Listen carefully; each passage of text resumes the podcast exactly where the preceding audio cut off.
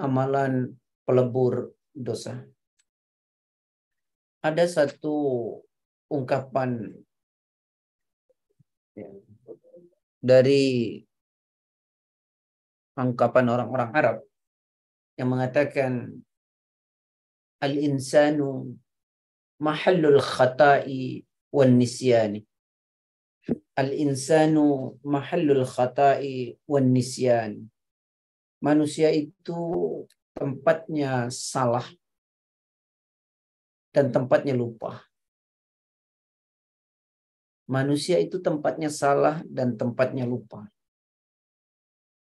Dalam satu hadis Rasulullah sallallahu alaihi wasallam bersabda, "Kullu ibni Adam khata'un wa khairul khata'ina at-tawwabun." Setiap anak Adam kata Rasulullah adalah bersalah. Dan sebaik-baik orang yang melakukan kesalahan adalah mereka yang bertaubat. Ini kata Nabi. Kullu ibni Adam khata'un. Setiap manusia anak keturunan Adam itu bersalah. Wa khairul khatta'in at-tawwabin. Dan sebaik-baik orang yang melakukan kesalahan adalah mereka yang mau bertaubat. Maka dari dua hal ini, dari ungkapan tadi bahwa manusia tempatnya salah dan tempatnya lupa. Dan dalam hadis Rasul mengatakan kullu ibni Adam khata'un, setiap manusia itu mesti bersalah. Maka kalau demikian, sahabat-sahabat yang saya cintai karena Allah, orang baik bukanlah orang yang tidak pernah berbuat salah dan keliru. Tetapi orang baik adalah orang yang sadar kalau dia pernah berbuat salah dan pernah berbuat keliru. Saya ulangi, dari dua pernyataan tadi, dari satu makalah dan dari hadis Nabi Muhammad SAW, bisa kita simpulkan bahwa orang baik bukan orang yang tidak pernah keliru dan bukan orang yang tidak pernah bersalah. Orang baik adalah orang yang sadar kalau dia pernah berbuat keliru dan pernah berbuat salah. Mencari orang yang tidak bersalah tidak akan pernah kita jumpai. Mencari orang yang tidak pernah keliru, kita tidak pernah bisa menemukannya. Karena dia manusia, manusia pasti bersalah dan mesti keliru. Sebelum jauh pada konteks dosa, saya juga ingin sampaikan. Teman-teman, sahabat sekalian, kalau ada teman kita pernah bersalah dan keliru, maklumilah karena dia adalah manusia.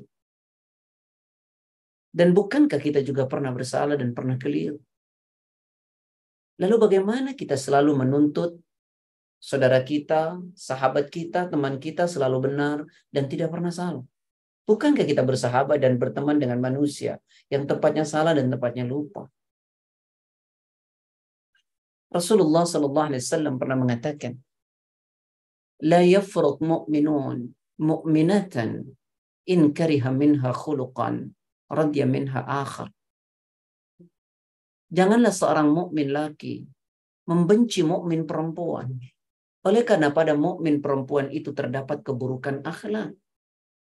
Ingatlah saudaraku, pada saudara kita itu masih menyimpan jutaan akhlak yang baik. Kenapa kita tidak berusaha mengingat jutaan akhlak yang baik itu dengan berusaha melupakan akhlak yang jelek itu? Sesungguhnya kita sedang membina persahabatan dan pertemanan. Saat kita membaliknya, kita hanya mengingat keburukannya dengan melupakan kebaikannya. Sesungguhnya kita sedang menghancurkan persahabatan, pertemanan, dan kekeluargaan saudaraku yang saya cintai karena Allah. Kita sungguh cerdas. Melihat salah dan keliru orang lain. Tapi kita kehilangan kecerdasan kita untuk melihat keliru dan salah kita. Seorang ulama bernama Ibrahim bin Idham dikenal dengan Abu Ishaq. Abu Ishaq. Tahukah saudaraku? Salah satu penyebab hati mati kata beliau ishtaghaltum bi'uyubi ikhwanikum wa nabattum uyubakum Kalian terlalu sibuk dengan aib saudara kalian. Tapi kalian lupa dengan aib kalian sendiri. Kita sibuk melihat keliru pada orang lain. Tapi kita lupa melihat keliru yang kita lakukan. Orang Indonesia sering berkata, gajah di pelupuk mata tak nampak. Tapi semut di ujung lautan itu nampak. Mas Roland masih ingat kata-kata itu, Mas? Iya, Ustaz. Cuman nggak ada bahasa Inggrisnya kayaknya, Ustaz. Oh, nggak ada bahasa Inggrisnya ya? Saya lagi nunggu. Kirain Mas Roland ada tuh. Itulah kecerdasan kita keluar, tapi kita tidak pernah cerdas untuk melihat diri kita. Untuk itu mari kita sadari, Alhamdulillah Allah memberi petunjuk pada kita. Mudah-mudahan kita terus menjadi orang baik. Tapi percayalah, kita pernah melakukan ketidakbaikan dan mungkin kita punya masa lalu yang tidak baik. Maka kalau demikian, jangan pernah hujat, jangan pernah celah dan hina orang yang hari ini tidak baik. Karena demi Allah, masih terbuka pintu baginya untuk menjadi baik. Jangan-jangan mati dia lebih baik daripada kita. Ini mari kita renungkan bersama. Kembali saudara-saudaraku yang saya cintai karena Allah. Orang baik bukan orang yang tidak pernah berbuat salah. Tapi orang baik adalah orang yang sadar. Kalau dia pernah berbuat salah. Jangankan hanya seperti saya. Kita tahu manusia pilihan.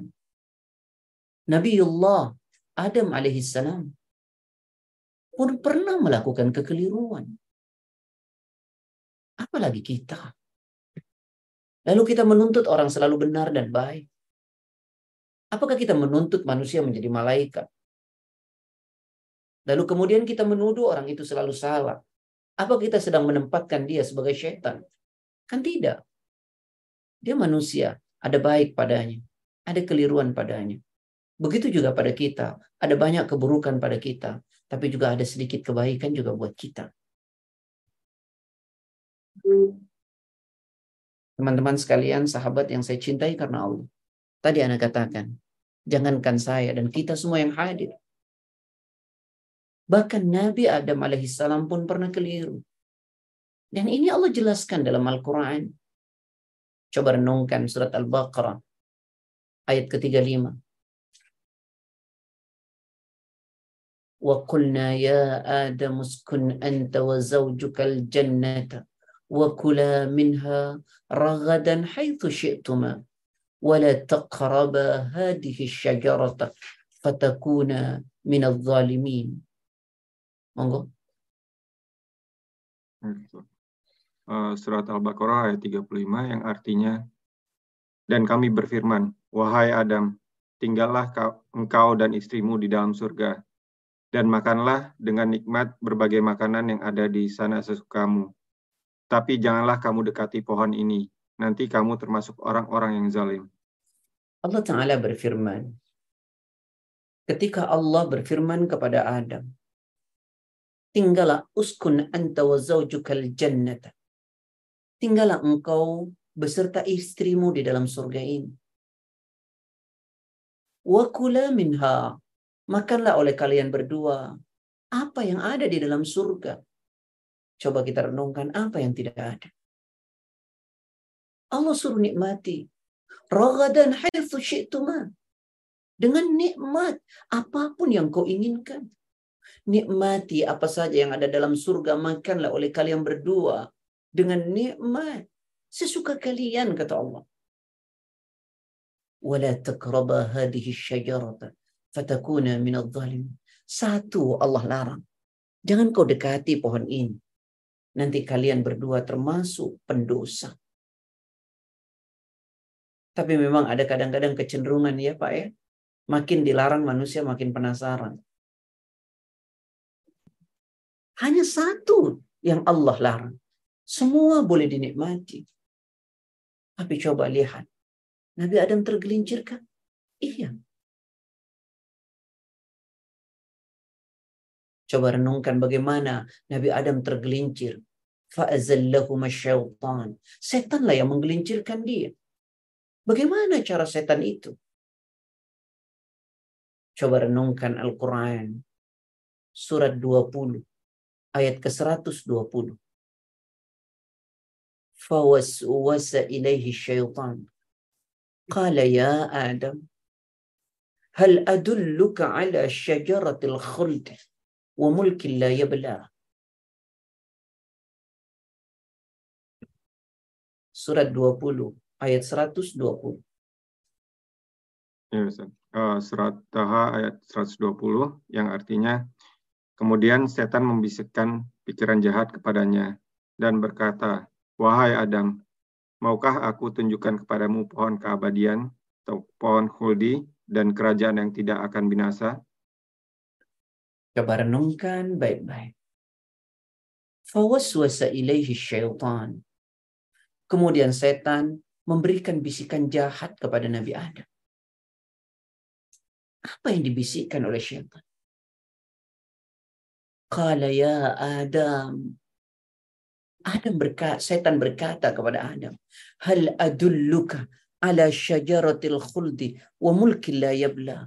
Maukah engkau Adam kutunjukkan pohon keabadian dan kerajaan yang kekal? Kau bisa hidup dengan abadi dan kau bisa nikmati selamanya surga ini. Bagaimana kau bisa nikmati surga, tapi sekejap kau akan mati. Begitulah bisikan-bisikan Adam, bisikan setan kepada Adam, yang kemudian membuat Nabi Adam tergelincir. Dan inilah cara setan paling keren. Namanya tazyin. Apa itu tazyin? membuat indah, membungkus sesuatu yang buruk nampak indah. Allah Ta'ala berfirman, Qala, Rabbi bima aghwaytani, la'uzayyinanna lahum fil ardi, wa ajma'in. Apa kata iblis? Ya Allah, Rabb. Oleh karena engkau telah menetapkan aku sesat, maka akan kujadikan setiap perbuatan jahat, perbuatan dosa bagi pandangan manusia terasa indah. Dan aku sesatkan manusia seluruhnya. Kalau tidak salah, surat 15 ayat 39. Coba direnung, dibuka. Afwan, anak takut keliru. Surat Al-Hijr 15 ayat 39. Qala rabbi bima awaitani la'uzayyinanna lahum fil ardi wa la'uwiyannahum ajma'in. Betul kan? Iya, Ustaz. Monggo silakan dibaca. Uh, surat Al-Hijr ayat 39 yang artinya, Ia, Iblis berkata, Tuhanku, oleh karena engkau telah memutuskan bahwa aku sesat, aku pasti akan menjadikan kejahatan terasa indah bagi mereka di bumi, dan aku akan menyesatkan mereka semuanya. Begitulah setan membungkus kejahatan itu terasa indah. Qala rabbi bima aghwaytani la uzayyinanna lahum fil ardi wa la uwiyannahum ajma'in. Ya Allah, ya Rabb, oleh karena engkau telah memutuskan aku sesat, maka akan kujadikan setiap perbuatan jahat, dosa, maksiat terasa indah bagi pandangan manusia. Dan aku sesatkan mereka semuanya. Begitulah setan membungkus kemaksiatan menjadi indah. Begitulah setan membungkus kesalahan itu menjadi seolah-olah bagus. Teman-teman sekalian yang dirahmati oleh Allah, kalau Nabi Adam saja keliru, lalu bagaimana dengan kita?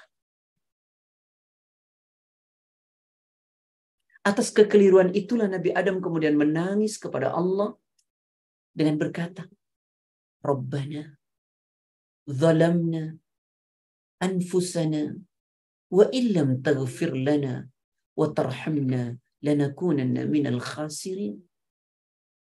Ya Allah, sungguh aku telah berdosa, zalim kepada diri kami sendiri, ya Allah.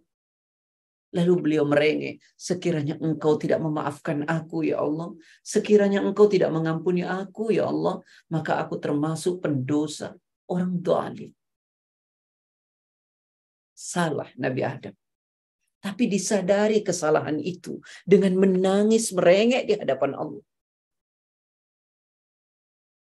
Begitu pula Nabi Yunus alaihissalam. Atas keputusasaannya dari janji Allah. Dalam kegelapan ikan beliau menangis. La ilaha illa anta. Subhanaka. Inni kuntu minal zalimin. Tidak ada ilah kecuali engkau ya Allah. Maha suci engkau ya Allah. Sungguh aku termasuk orang yang zalim. Pengakuan secara totalitas kepada Allah akan keliru, khilaf dan dosanya. Kalau Nabi manusia pilihan Allah saja bersalah, tapi kemudian menyadari keliru dan salahnya, lalu bagaimana dengan kita? yang setiap hari tumbuh terus melakukan kekeliruan, kesalahan, lalu kita tidak pernah menyadari akan keliru, salah dan dosa yang telah kita lakukan seorang ulama pernah berkata, wa umrina kisun fi kulli yawmin dhanbi zaidun kaifa ihtimali. Umur kita ini makin hari makin berkurang.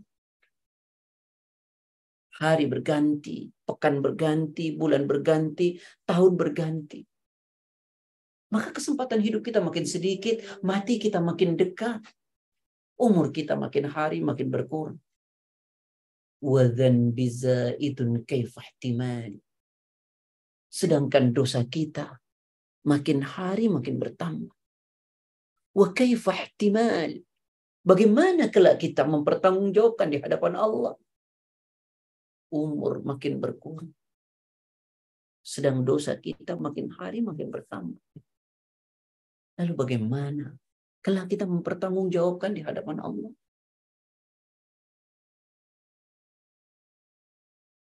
Sahabat-sahabat, saudara muslimku di mana pun berada. Perlu kita memahami dari mana dosa itu muncul. Dari mana keliru itu terus kita lakukan. Dari mana datangnya dosa itu.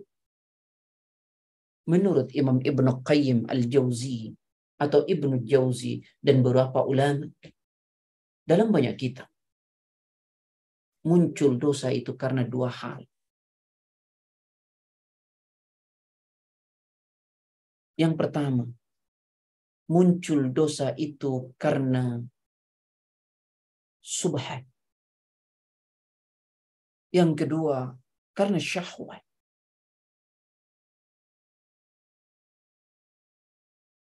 Yang pertama mari kita lihat. Subhat.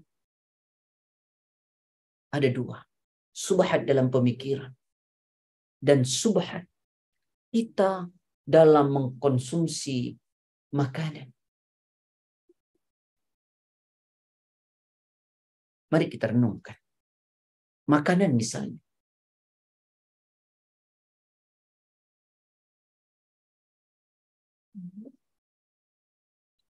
makanan masuk ke dalam perut kita. Lalu dia, kalau makanan itu haram, makanan itu syubhat, masuk ke dalam perut kita, maka membuat rusak hati kita. Dan tahukah kita, ketika hati kita rusak, maka seluruh potensi yang melekat pada diri kita pun rusak. Ini kata Rasulullah sallallahu alaihi wasallam. Dalam hadis arba'in. Nomor ke-6. Dari Abdullah Nu'man ibni Bashir. Apa kata Rasulullah SAW? Innal halala bayyinun. Wal haram bayyinun. Wa umurun bainahuma mushtabihatun. La ya'lamuhunna kathiran minan nas. Faman ittaqa ala syubahati faqad istabra'a li dinihi wa 'irdihi. Wa man waqa'a fi syubahati waqa'a fil haram. Karra'i yar'a hawla al-hima yushiku an yarta'a fi. Ala inna likulli malikin hima wa inna himallaha maharimuha. Ala inna fil jasadi mudghah إذا صلحت صلح الجسد كله وإذا فسدت فسد الجسد كله ألا وهي القلب apa kata Rasul halal itu jelas haram pun jelas yang ada antar keduanya syubhat tapi kebanyakan manusia tidak tahu bahkan mungkin tidak pernah mau tahu sehingga orang begitu entengnya dengan perkara syubhat, haram, riba, Tidak tahu dan bahkan mungkin tidak mau tahu. Padahal kata Rasulullah SAW, siapa orang menjaga dari perkara syubhat, maka dia telah menjaga agama dan kehormatan diri. Siapa orang menjerumuskan pada yang subhat, wa man waqa'a fi syubhati waqa'a fil haram. Siapa orang menjerumuskan dirinya pada yang subhat, maka dia telah menjerumuskan dirinya pada yang haram. Kata Rasul, seperti pengembala yang tidak boleh mengembala di sebuah area, dia mengembala di pinggir-pinggir area tersebut. Siapa bisa halangi binatang masuk? Dekat kita dengan subahat, maka separuh kaki kita sudah di jurang neraka. Saya ingin sampaikan ujung hadis ini, saya potong. Tahukah kalian, kata Rasulullah, bahwa dalam tubuh kalian ada segumpal daging jika segumpal daging itu baik karena kita jaga dari perkara haram syubhat, maka baik seluruh tubuh kalian. Pikiran baik, perasaan baik, lisan baik, telinga baik, tatapan baik, sikap baik. Tapi jika segumpal daging itu rusak, maka rusaklah seluruh tubuh kalian. Pikiran, perasaan, tatapan, langkah, sikap. Semuanya rusak. Itulah hati. Itulah hati. Artinya apa? Orang dekat dengan syubhat. Pikiran atau makanan akan membentuk seseorang tidak akan punya daya tarik terhadap kebaikan. Saya ulangi, orang yang penuh dengan syubhat, dia tidak akan punya daya tarik terhadap kebaikan. Kebaikan tidak ada magnet maka jangan kaget. Kok ada orang sulit betul? Atau jangan-jangan kita satu waktu sulit betul untuk berada pada kebenaran dan tertarik pada kebenaran. Jangan-jangan masuknya haram, syubhat ke dalam perut kita.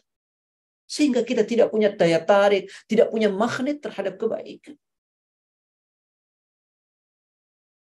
Sahabat, inilah yang mendatangkan dosa. Ketika orang tidak punya daya tarik terhadap kebaikan, apa yang akan terjadi? Maka orang itu jauh dari perintahnya Allah. Di sinilah mulai dosa-dosa itu muncul.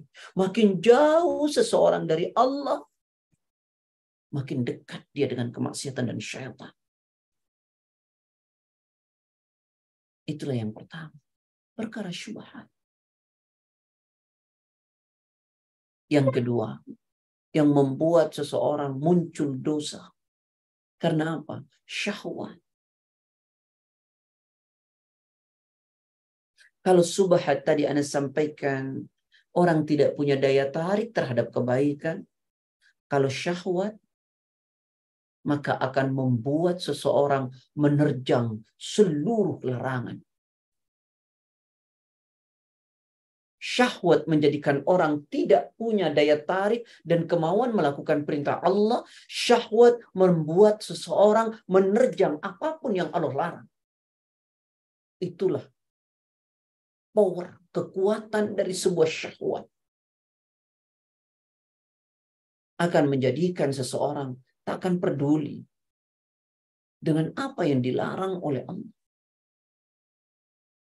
Coba lihat kekuatan syahwat itu. Nafsu. Allah gambarkan seperti binatang yang tak pernah bisa diatur.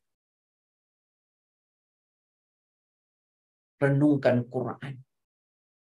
Mohon maaf, bukan tidak pernah diatur, tidak bisa diatur. Seperti gambaran sebuah binatang yang binatang itu pun digambarkan oleh Allah. Kau julur, dia julurkan lidah atau tidak, dihalangi atau tidak, dia akan tetap julurkan lidahnya. Quran surat ke-7 ayat 176. Walau syi'na la rafa'nahu biha. Akhlada ila al-ardi wattaba'a hawa famathaluhu kamathalil kalbi. Monggo.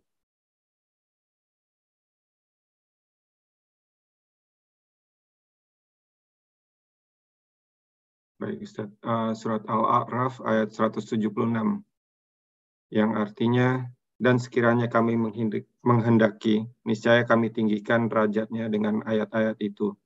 Tapi dia cenderung kepada dunia dan mengikuti keinginannya yang rendah. Maka perumpamaan seperti anjing, jika kamu menghalaunya, dijulurkan lidahnya. Dan jika kamu membiarkannya, dia menjulurkan lidahnya juga. Demikianlah perumpamaan orang-orang yang mendustakan ayat-ayat kami. Maka ceritakanlah kisah-kisah itu agar mereka berpikir. Coba kita renungkan baik-baik. Sekiranya kami menghendaki, kata Allah, kami angkat derajat manusia itu dengan ayat-ayat. Tetapi manusia lebih cenderung kepada dunia. Dan larut dengan hawa nafsu. Maka perumpamaan manusia itu di mata Allah sama dengan anjing dihalau atau tidak dihalau, dia akan tetap menjulurkan lidahnya. Dihalau atau tidak dihalau, dia akan tetap menjulurkan lidahnya. Sahabat, saudara-saudaraku yang saya cintai karena Allah, inilah munculnya dosa itu. Maka kemudian apa yang akan terjadi? Jika nafsu kemudian syahwat mendominasi diri kita, ingat yang paling parah, akan membuat kita kehilangan seluruh potensi yang melekat pada diri kita. Saya ulangi, jika nafsu menguasai diri kita, syahwat menguasai diri kita akan membuat diri kita kehilangan seluruh potensi yang melekat pada diri kita. Al-Quran pada surah 45 ayat 23. Afara'aita manittakhadha ilahahu hawa'a وأضله الله على علم وختم على سمعه وقلبه وجعل على بصره غشاوة monggo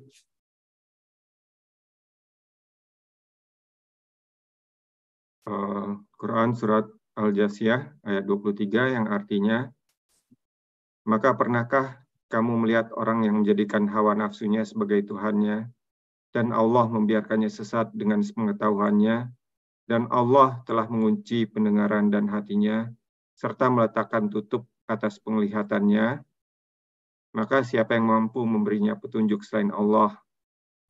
Mengapa kamu tidak mengambil pelajaran? Coba renungkan baik-baik. Tidakkah kalian perhatikan kata Allah? orang-orang yang menjadikan hawa nafsunya sebagai Tuhan. Hawa nafsu dituruti, diikuti. Apa yang akan terjadi? Satu, Allah akan biarkan terombang-ambing dalam kesesatannya. Tidak lagi dalam proteksi Allah. Seperti emosi dituruti, marah dituruti, maka dia akan terus terombang-ambing, tidak akan terbimbing. Dia kuasai oleh syaitan. Maka keputusan-keputusan yang diambil, semua akan dia sesali. Karena dia tidak dalam bimbingan Allah. Maka jangan larut dengan emosi. Jangan larut dengan nafsu. Yang kedua, apa yang Allah jadikan? Allah tutup telinganya. Nasihat seperti apa pun. Saat orang larut dengan nafsunya, maka nasihat itu takkan pernah bisa didengar. Asik larut dia. amarah menguasai seseorang, maka membuat seseorang tidak akan pernah bisa dinasehati. Amarahnya menguasai dirinya. Dan penyesalannya baru akan dia dapati nanti setelahnya. Yang ketiga, Allah tutup hatinya. Allah tutup hatinya. Orang-orang yang larut dengan syahwat nafsunya.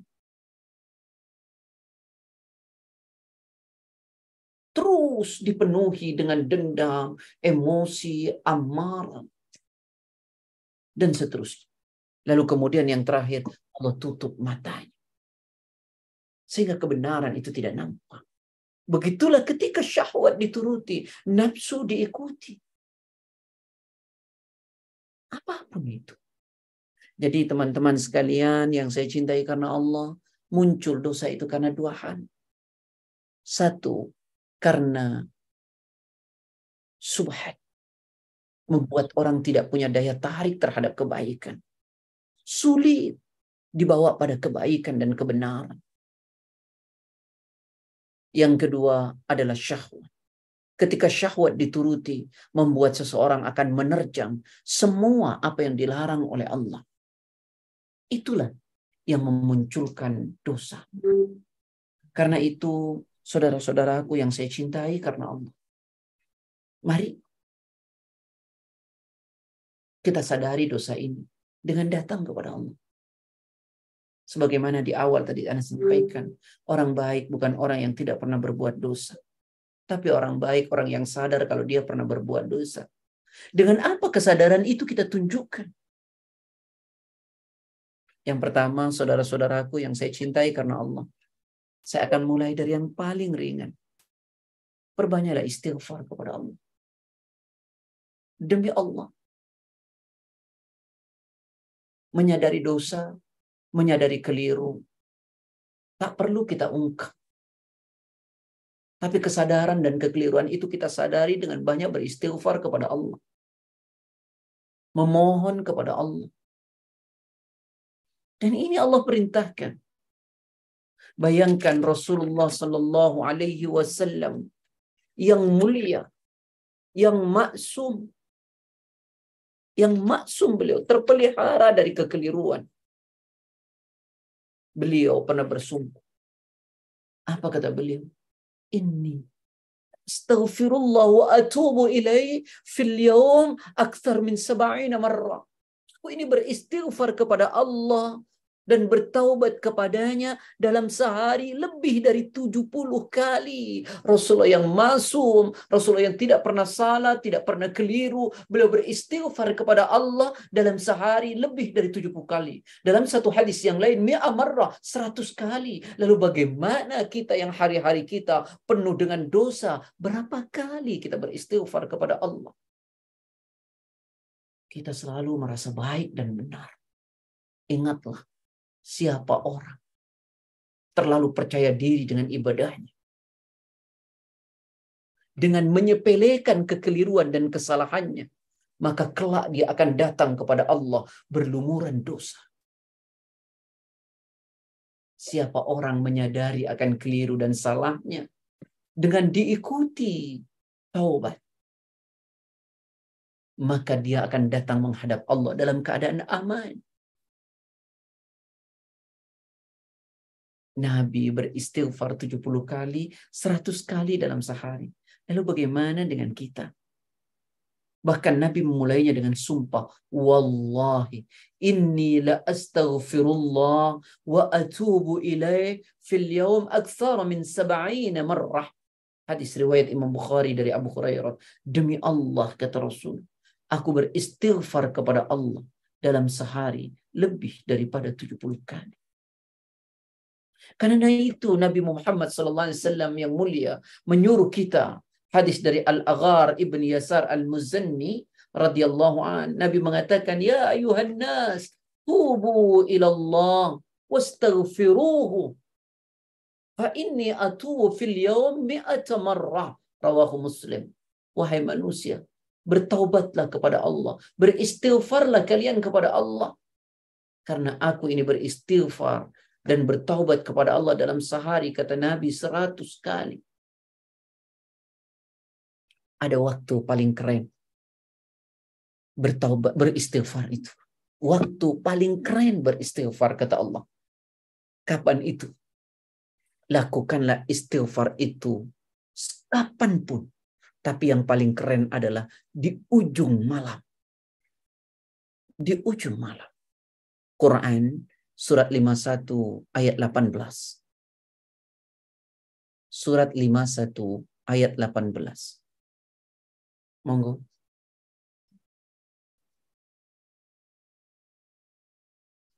Surat Az-Zariyat ayat ke-18. Wabil arikum yastaghfirun. Monggo. Surat Az-Zariyat ayat 18 yang artinya dan pada akhir malam mereka memohon ampun kepada Allah. Dan pada akhir malam mereka beristighfar memohon ampun kepada Allah. Wabil ashar di penghujung malam mereka beristighfar, mohon ampun kepada Allah. Kapan pun perbanyak istighfar, tapi waktu paling keren adalah di penghujung malam kita.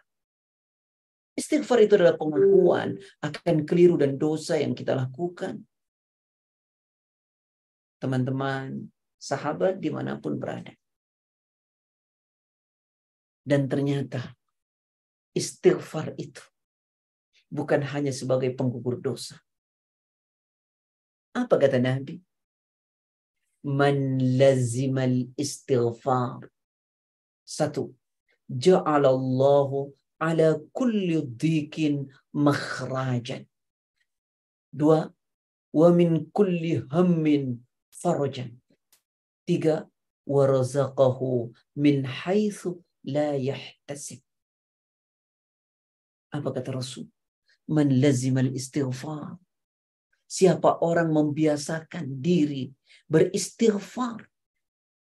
Astaghfirullah, astaghfirullah, astaghfirullah wa atubu ilaih.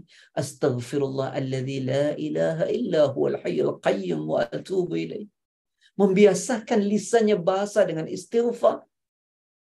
Hadiah apa yang Allah berikan? Kata Nabi, Ja'alallahu ala kulli dhikin makhrajan. Allah jadikan jalan keluar pada setiap kesulitan hidupnya, pada himpitan-himpitan hidupnya. Sekaligus juga saat ketidaktenangan melanda diri kita, perbanyaklah istighfar kepada Allah. Ada ketidaknyamanan, ketidaksenangan, ketidakbahagiaan, beristighfarlah kepada Allah. Kata Nabi, barang siapa melazimkan dirinya beristighfar, satu, Allah akan berikan jalan keluar pada setiap kesulitan hidupnya. Persoalan yang tak kunjung menemukan jalan. Seolah-olah buntu, perbanyaklah istighfar kepada Allah. Maka Allah akan berikan jalan. Tidak hanya di situ. Wa min kulli hammin farajan. Allah akan ganti setiap kegelisahan, kegundahan, ketidaktenangan dengan kebahagiaan. Maka saat saudara-saudaraku rasa gelisah, sedih ada pada diri kita. Cobalah istighfar kepada Allah. Istighfar. Pikiran pun menjadi cerah hati menjadi terbuka. Allah ganti setiap kegundahan itu dengan kebahagiaan. Karena jangan-jangan kegundahan dan kegelisahan itu diakibatkan oleh sebuah dosa. Seorang sahabat pernah datang kepada Rasulullah SAW bernama Nawas bin Sam'an atau bin Sim'an. Sa'altu Rasulullah SAW anil birri wal itham. Satu waktu kata beliau, aku tanya kepada Rasulullah tentang kebaikan dan dosa. Lalu Nabi mengatakan, albirru khusnul qulub. Kebaikan itu adalah akhlak. Wal itham adapun dosa, mahalka fi nafsika wa kirihta ayyattali alaihin nas. Dosa itu sesuatu yang membuat hatimu selalu tidak nyaman, tidak tenang, gelisah. Maka ganti dia dengan kebahagiaan. Caranya perbanyak istighfar kepada Allah. Istighfar bukan hanya penggugur dosa, tapi istighfar pemberi jalan keluar dalam setiap kesulitan. Istighfar akan mengganti semua keburukan dengan eh, kesedihan dengan kebahagiaan. Yang terakhir, warazaqahu min haitsu la yahtasib. Siapa membiasakan istighfar, Allah akan datangkan rizki dari tempat yang dia tidak pernah menyangka. Allah datangkan rizki dari tempat yang dia tidak pernah menyangka.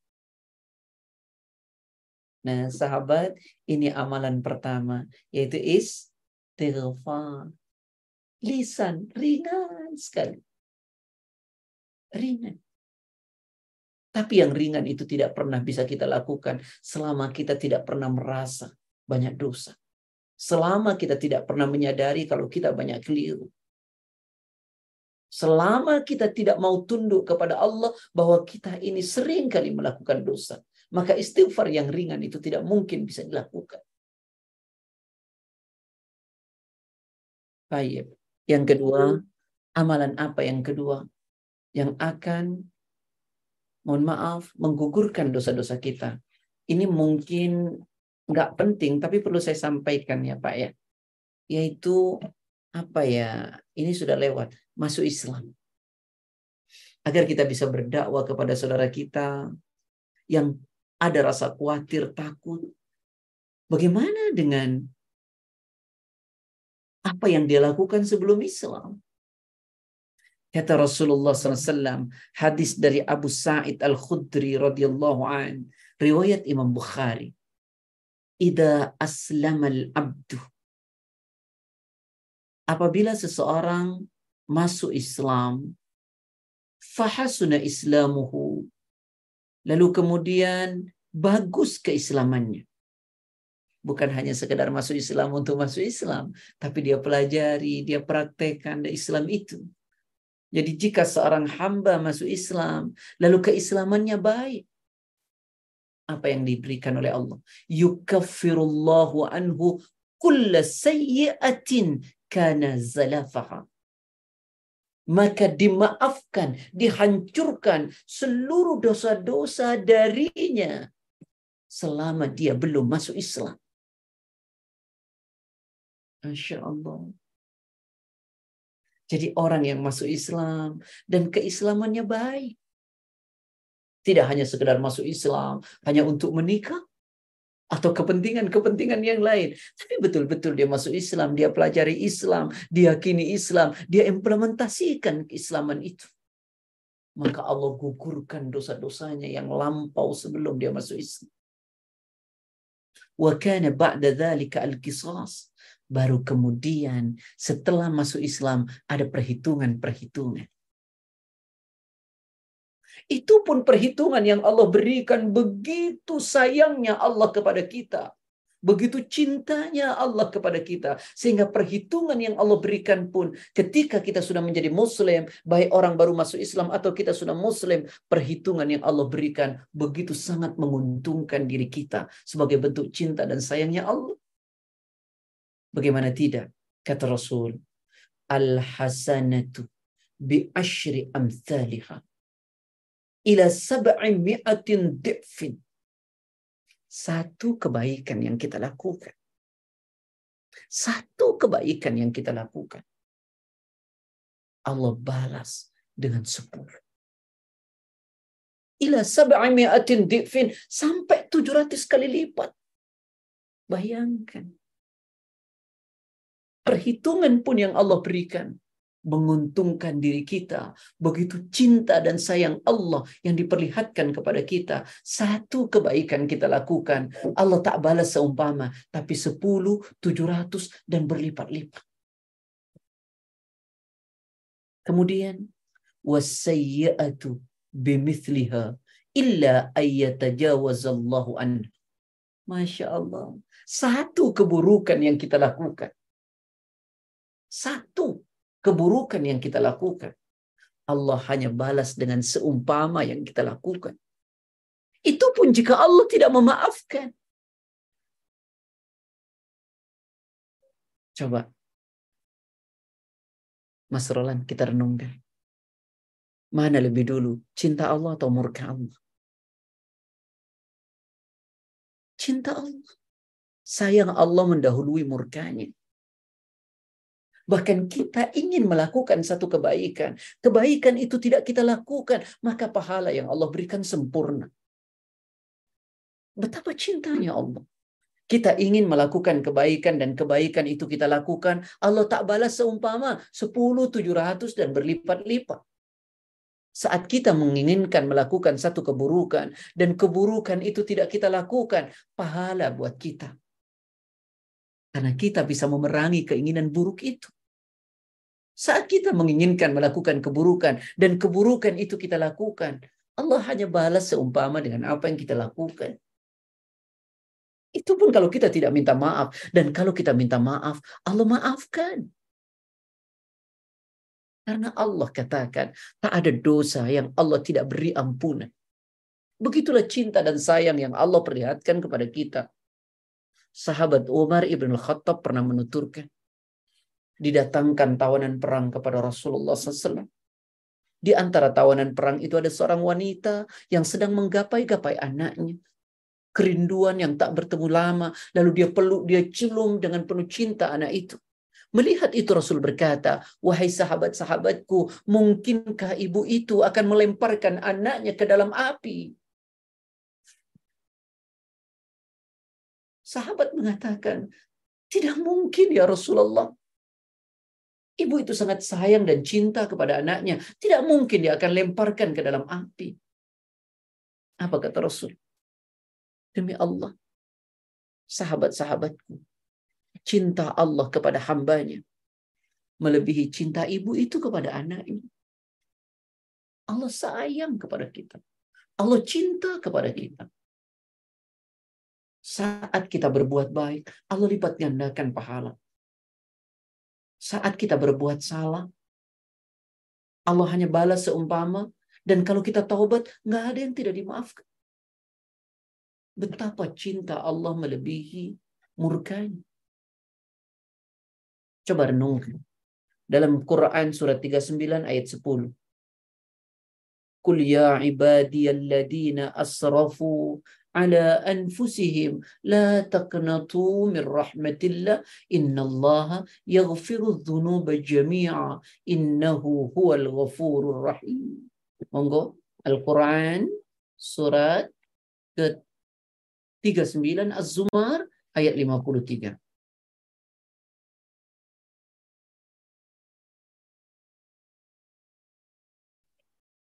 Baik Ustaz. Uh, surat Az-Zumar ayat 53 yang artinya katakanlah wahai hamba-hambaku yang melampaui batas terhadap mereka diri sendiri. Janganlah kamu berputus asa dari rahmat Allah. Sesungguhnya Allah mengampuni dosa-dosa semuanya. Sungguh dialah yang maha pengampun, maha penyayang. Inilah cinta Allah kepada kita. Katakanlah, wahai hamba-hambaku yang melampaui batas terhadap diri mereka sendiri. Janganlah putus asa dari kasih sayang Allah. Sungguh Allah mengampuni dosa-dosa semuanya. Semuanya, kata Allah. Sungguh Allah maha pengampun lagi maha penyayang. Allah yang berikan kita hidup, Allah berikan makan, Allah berikan keturunan, Allah berikan pasangan, Allah berikan segala-galanya. Lalu kita banyak berbuat salah kepada Allah, Allah buka maaf selebar-lebarnya. Kita tidak memberikan apa pun kepada orang, kalaupun kita memberikan hanya sedikit sekali. Lalu pantaskah kita berkata saat orang itu salah, lalu kita mengatakan, saya tak akan maafkan. Sudah sehebat itukah kita? Saya ulangi, hidup kita dari Allah. Kita diberi rizki oleh Allah. Diberi rumah oleh Allah, diberi makan, diberi pasangan, diberi anak. Semua maha baiknya Allah. Dan kita pun masih banyak berbuat dosa kepada Allah. Tapi saat kita datang kepada Allah, Allah buka tangannya untuk memaafkan diri kita. Tak, tak banyak memberi kepada orang. Tapi saat orang itu keliru, pantaskah buat kita untuk menutup maaf itu? Rasulullah Sallallahu Alaihi Wasallam pernah memberitahu kita dalam satu hadis kutsi Dan menurut ulama hadis ini hasan sahih. Berjalur dari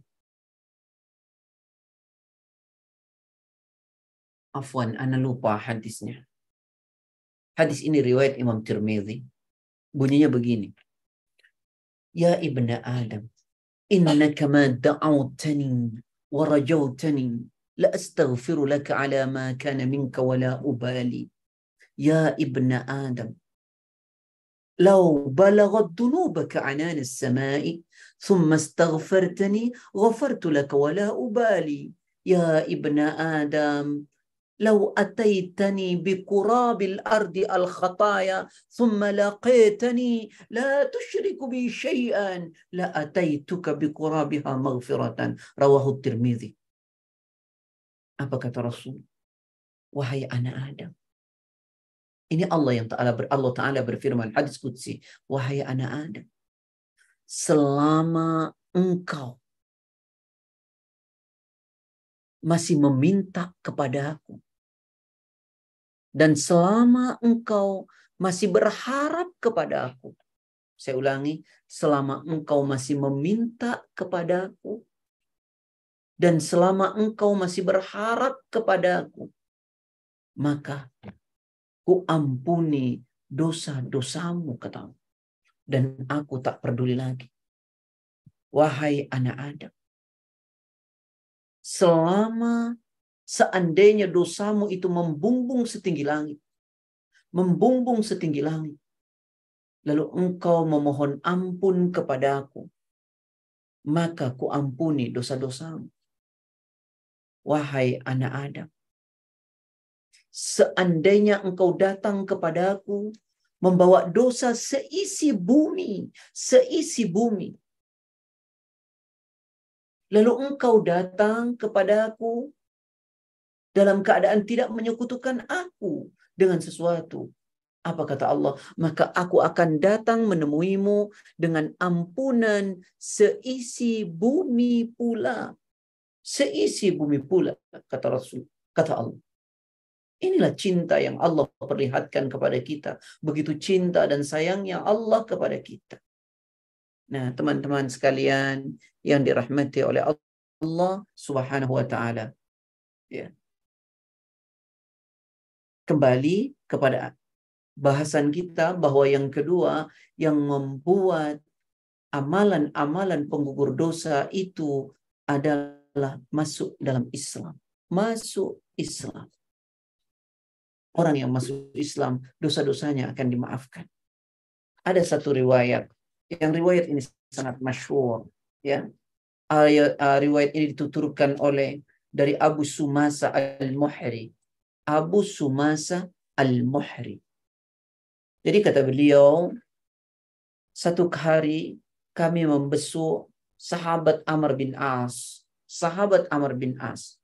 Saat beliau sakit sangat keras. Sakit yang sangat keras. Bahkan sakaratul maut lah begitu. Nah ketika kami datang, beliau kemudian memalingkan wajahnya ke tembok dan menangis. Sahabat Amr bin As. Ketika kami menjenguknya, beliau palingkan muka beliau ke tembok, seraya beliau menangis. Lalu putra beliau berkata, Wahai ayahku, bukankah Rasulullah telah menjanjikan kepadamu ini dan itu? Engkau adalah salah sahabat terkemuka yang dijamin akan kebaikan Lalu beliau berkata, Wahai anakku, wahai saudara-saudaraku, aku mengalami tiga hal dalam perjalanan hidupku. Yang pertama adalah saat aku dahulu belum memeluk Islam. Tak ada orang yang paling aku benci di dunia ini melebihi Muhammad sallallahu alaihi wasallam dan sesuatu yang membuat aku bahagia. Yang sesuatu yang membuat aku bahagia adalah kalau aku bisa membunuhmu. Kata beliau, andaikan saat itu aku mati, maka pasti aku masuk neraka. Lalu waktu berlalu. Terus. Hidayah masuk ke dalam hatiku. Lalu aku datangi Rasulullah SAW. Aku minta beliau mengulurkan tangannya untuk berbaikat. Lalu aku berkata, Ya Rasulullah, kalau aku masuk Islam, apakah dosaku dimaafkan? Lalu Rasulullah berkata, Ama alimta anna al-Islam yahdimu ma kana qablah. Tidakkah engkau tahu bahwa Islam menghapuskan dosa yang terjadi sebelumnya? Maka saat itu aku sangat bahagia.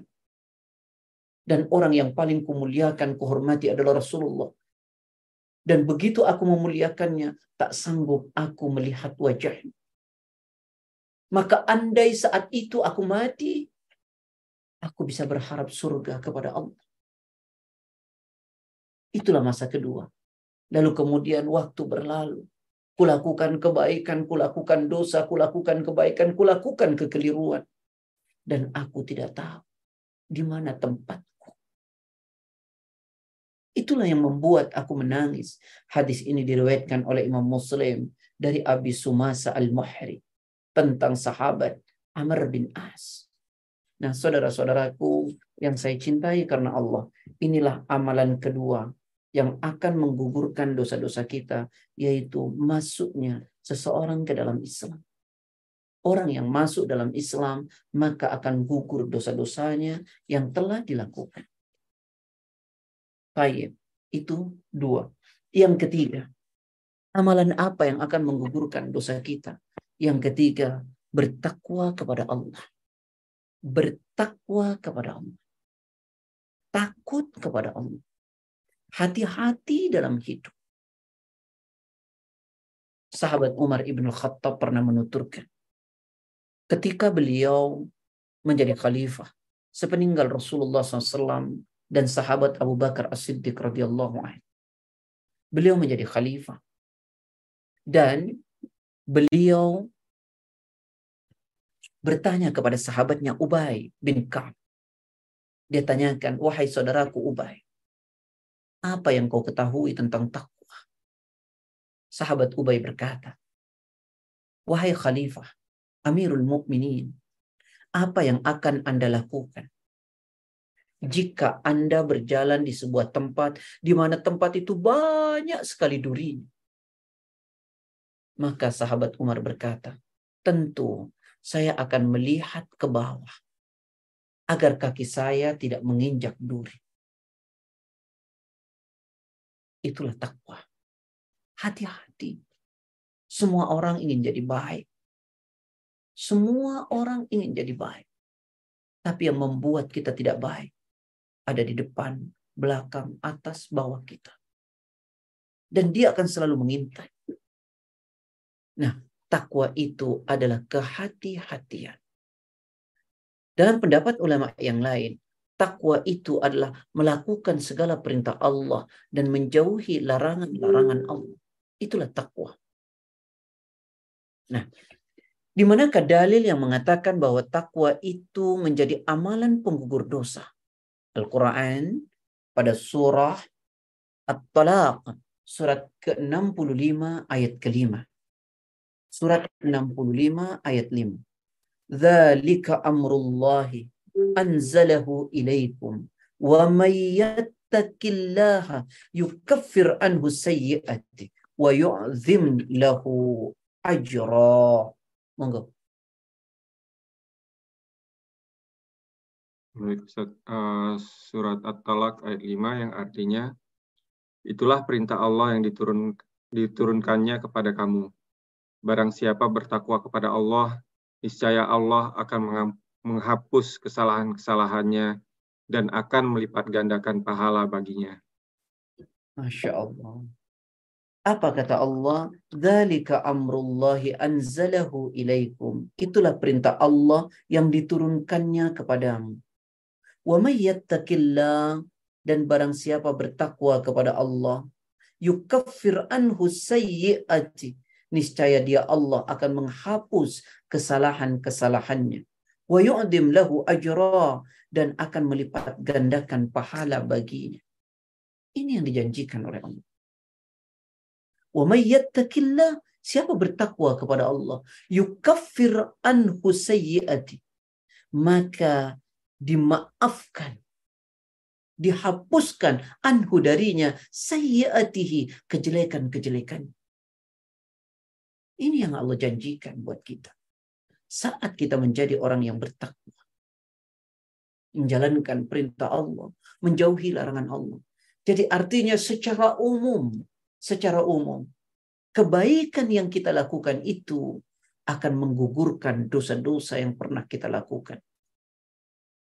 Rasulullah Shallallahu Alaihi Wasallam bersabda dalam hadis Arba'in nomor ke-18 dari Abi Dhar Jundu ibni Junada dan Abi Abdurrahman Mu'ad bin Jabal radhiyallahu anhu qala qala Rasulullah sallallahu alaihi wasallam ittaqillaha haitsuma kunta wa atbi'is sayyi'ata alhasanata tamhuha wa khaliqin nas bi khuluqin hasanin Kata Nabi, bertakwalah engkau kepada Allah di mana pun kalian berada.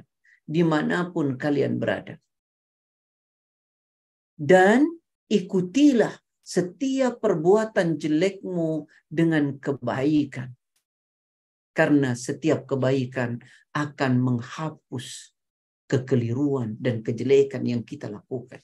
Jadi secara umum, seluruh kebaikan yang kita lakukan akan menghapus dosa-dosa yang pernah kita lakukan.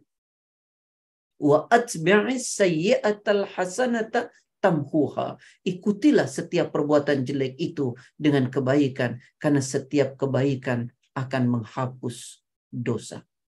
Nah, ikhwani wa ikhwati fillah yang dirahmati oleh Allah. Dalil kedua, bahwa takwa itu bisa menghapus dosa dan keliru yang kita lakukan. Al-Quran surat 8 ayat 29. Al-Anfal surat 8 ayat 29. Ya ayyuhalladzina amanu in tattaqullah yaj'al lakum furqana wa yukaffir ankum sayyiatikum wa yaghfir lakum wallahu dhul fadlil azim.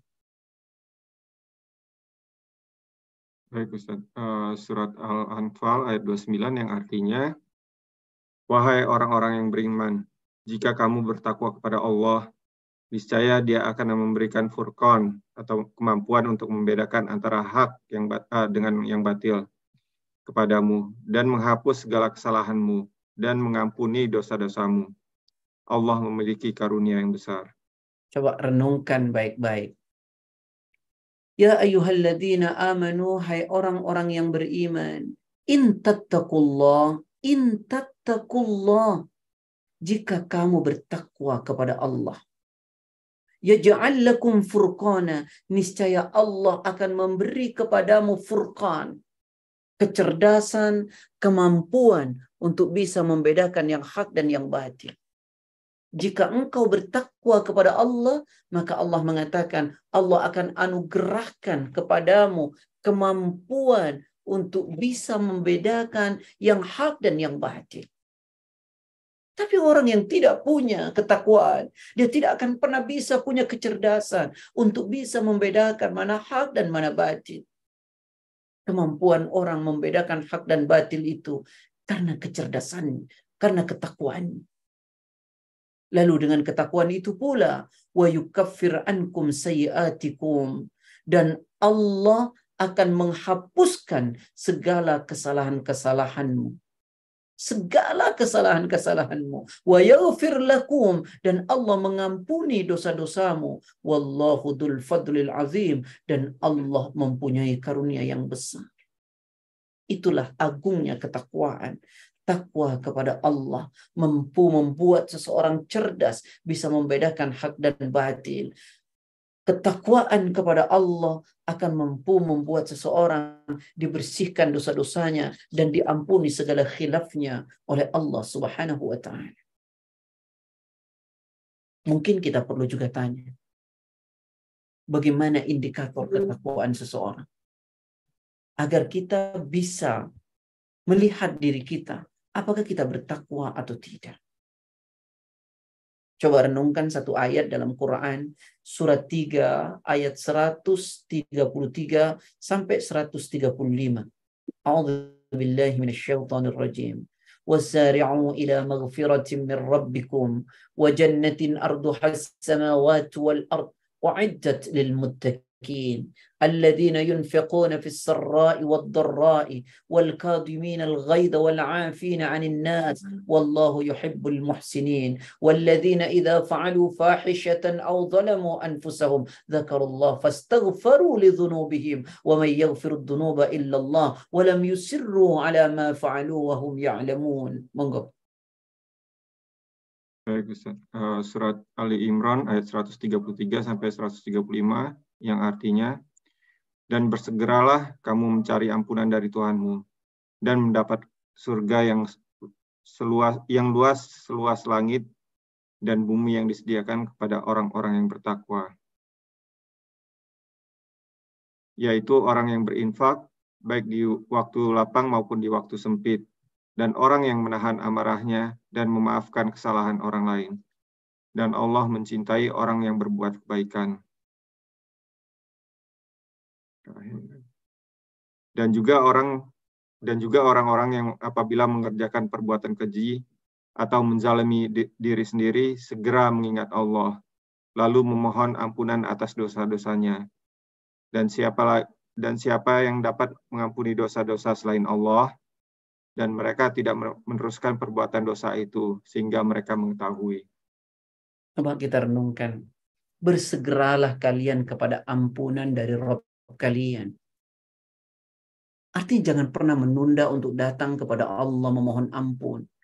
Karena kita tidak pernah tahu apa yang akan terjadi. Nafsun madza taksibu ghada wa ma tadri nafsun bi ayyi ardin tamut. Tidak seorang pun yang tahu dengan pasti apa yang akan dikerjakannya esok dan tidak seorang pun yang tahu dengan pasti di bumi mana dia akan meninggal. Bersegeralah kalian kepada ampunan dari Rabb kalian dan kepada surganya yang luasnya seluas langit dan bumi yang disiapkan untuk orang-orang bertakwa. Siapa itu? Adalah mereka orang-orang yang dermawan, menginfakkan hartanya baik lapang maupun sempit. Dan orang-orang yang mampu menahan amarahnya. Dan orang-orang yang pemaaf, Allah cinta kepada orang-orang yang baik.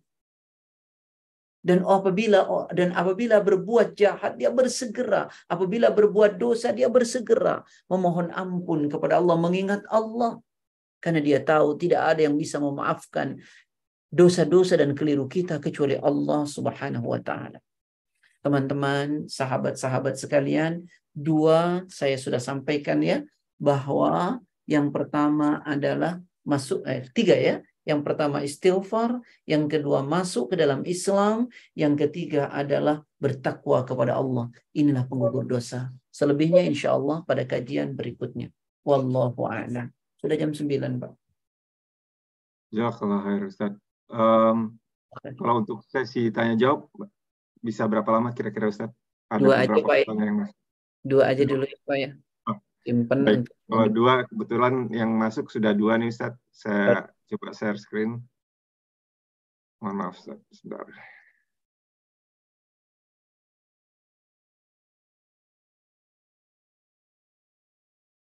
Uh, ini pertanyaan pertama Ustadz. Assalamualaikum Pak Ustadz. Maaf izin bertanya, dapatkah kita membacakan atau mengirimkan bacaan istighfar untuk saudara-saudara kita yang telah tiada? Terima kasih Ustadz. Baik. Uh, begini, akhi. Saya teringat seorang sahabat bertanya kepada Rasulullah. Ini yang pertama saya khususkan untuk orang-orang terdekat kita. Ya Rasulullah, hal baqiya min birri abawayya abarruhuma ba'da mautihima. Ya Rasulullah, masihkah tersisa kebaikan yang bisa saya lakukan untuk kedua orang tua saya yang sudah tiada? Apa kata Nabi? Yang pertama, ad-du'a ulahuma. Doakan keduanya. Yang kedua, wal istighfaru lahuma. Mohonkan ampun. Istighfar untuk keduanya. Mohonkan ampun kata Allah. Artinya sampai. Lalu wa infadu ahdihima, penuhi janjinya. Wa ikramu sadiqihima, muliakan teman-temannya. Lalu Rasulullah sering kali berdoa, Allahumma ghafir lil mu'minina wal mu'minat. Ya Allah ampunilah. Mukmin laki-laki maupun mukmin perempuan yang hidup maupun yang meninggal sampai ya akhi mohonkan ampun istighfarkan buat orang sahabat saudara teman yang sudah tiada. Sampai mohonkan ampun kepada Allah. Ya Allah ampuni saudaraku. Itu kan istighfar. Baik wallahu a'lam. Ya, kalau Ustaz. Oh, uh, boleh bertanya lanjutan Ustadz terkait dengan pertanyaan satu. itu? Boleh, boleh satu lagi. Oh, bah, kalau satu lagi saya mungkin uh, yang pertanyaan titipan Ustadz. Tapi Baik. tadi soalnya pertanyaan sendiri. Mohon maaf. Untuk yang kedua, izin bertanya Pak Ustadz. Saya pernah satu kali berbuat kesalahan yang menyebabkan orang tua saya marah. Dan dalam keadaan marah, orang tua saya menyebut saya anak durhaka. Walaupun setelah itu mereka pun menyesal dan menarik kembali kata-kata mereka, apakah mungkin amarah mereka tersebut saat itu diijabah Allah Subhanahu wa taala? Bagaimana caranya supaya tidak terjadi Pak Ustadz? Apakah bisa dengan istighfar? Masya Allah. Ikhwani wa. Dosa itu kan ada dua. Ada dosa kepada makhluk dan ada dosa kepada Allah. Dosa kepada Allah syaratnya tiga. إذا كانت المعصية بين العبد وبين الله تعالى لا تتعلق بحق آدمي فلها ثلاثة شروط Jika dosa itu ada kaitan kita dengan Allah, tak ada kaitan dengan manusia, syaratnya tiga. Apa itu? Yang pertama, ayyukli anil maksiyah, berhenti secara totaliti dari dosa itu. Yang kedua, ayyandama ala filiha, ada penyesalan mendalam karena pernah melakukan. Yang ketiga, ayyazim alla ya'uda ilaiha abadan, ada tekad untuk tidak mengulangi kembali. Jika dosa itu ada antara kita dengan makhluk, dengan orang, dengan orang tua, dengan siapa pun, maka syaratnya empat. Yang pertama berhenti, yang kedua menyesal, yang ketiga tidak berusaha tidak mengulangi, yang keempat adalah membebaskan diri. Caranya datang. Ketika kita datang kepada orang tua kita, orang tua kita pernah melakukan itu, maka Allah insya Allah akan membuka maaf kita. Karena kita datang kepada orang tua kita, maafkan anak, maafkan anak, dan orang kita sudah memaafkan, sudah. Maka satu hal, jangan pernah membuat orang tua kita terlepas berkata yang tidak baik, dan jangan pernah kita orang tua pernah berkata yang tidak baik. Jika kedua orang tuamu sudah sepuh dalam pengasuhanmu, fala taqul uffin, wala tanharhuma, wa kullahuma qawlan karima Jangan pernah berkata ah. Jangan pernah membentak berkatalah dengan perkataan yang mulia. Bahkan saudaraku, sekalipun orang tua kita zalim. Karena Rasulullah Sallallahu Alaihi Wasallam, walaupun hadis ini ulama berbeda pendapat tentang validitasnya, dituturkan oleh Ibnu Abbas, "Ma min muslim lahu walidani muslimani yusbihu ilaihima muhtasiban illa fatah Allahu lahu babaini, yani minal jannah."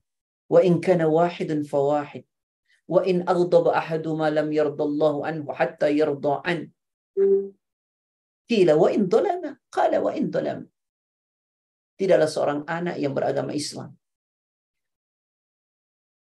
Dia berbuat baik kepada orang tuanya. Dan kedua-duanya orang tuanya muslim. Maka Allah bukakan baginya dua pintu surga untuknya. Wa in kana wahid fawahid. Jika dia punya satu orang tua, dia berbuat baik kepada orang tuanya, hanya berharap pahala dari Allah, maka satu pintu surga dibuka untuknya. Wa in aghdaba ahadu ma lam yardallahu anhu hatta yarda'an. Jika salah satu keduanya tidak ridho kepadanya, kepada anak itu, maka Allah tidak akan pernah ridho sampai orang tua kita ridho. Berarti kalau orang tua kita sudah ridho, sudah ridho. Sahabat begitu takutnya bertanya, wa in dolama, ya Rasulullah bagaimana kalau orang tua kami dolim? Kata Rasulullah SAW, iya sekalipun orang tuamu zalim, tetaplah dia pintu surganya Allah dan tetaplah murka Allah ada padanya. Saudaraku, yang saya cintai karena Allah. Hati-hati kepada orang tua. Dan kita orang tua pun hati-hati. Saat kita ada salah kepada orang tua kita dan orang tua kita sudah memaafkan kita, maka insya Allah Allah memaafkan. Tapi kalau orang tua kita tidak memaafkan, Allah tak akan pernah bisa memaafkan. Wallahu a'lam. Semoga Allah meridai kita semua. Dan Allah memberkahi hidup kita. Dan Allah membimbing kita ke jalan ridhonya. Dengan menyadari akan salah dan khilaf yang kita lakukan. Sehingga mati kita husnul khatimah. Bersih dari dosa. Dan meraih cinta, kasih, dan sayangnya Allah. Saat kita menghadap Allah dengan penuh rahmatnya. Wallahu a'lam. Assalamualaikum warahmatullahi wabarakatuh. Waalaikumsalam warahmatullahi wabarakatuh. Baik, um, ya kalau hai Ustadz, uh, terima kasih atas waktu dan ilmunya. Dengan selesainya kajian kali ini, mari kita, mari kita tutup dengan membaca doa kafaratul majelis. Subhanaka Allahumma wa bihamdika asyhadu an la ilaha illa anta astaghfiruka wa atubu ilaik. Semoga kajian kali ini bermanfaat bagi kita semua. Dan untuk menyimak kembali kajian kali ini dan kajian-kajian sebelumnya, silahkan kunjungi channel YouTube kami di channel Rumah Dakwah UK, ataupun lewat uh, platform RSS, Apple maupun Google Podcast. Kami dari panitia mohon maaf jika ada kekurangan dan kesalahan. Barakallahu fikum. Wabillahi taufiq wal hidayah. Wassalamualaikum warahmatullahi wabarakatuh. Waalaikumsalam warahmatullahi wabarakatuh.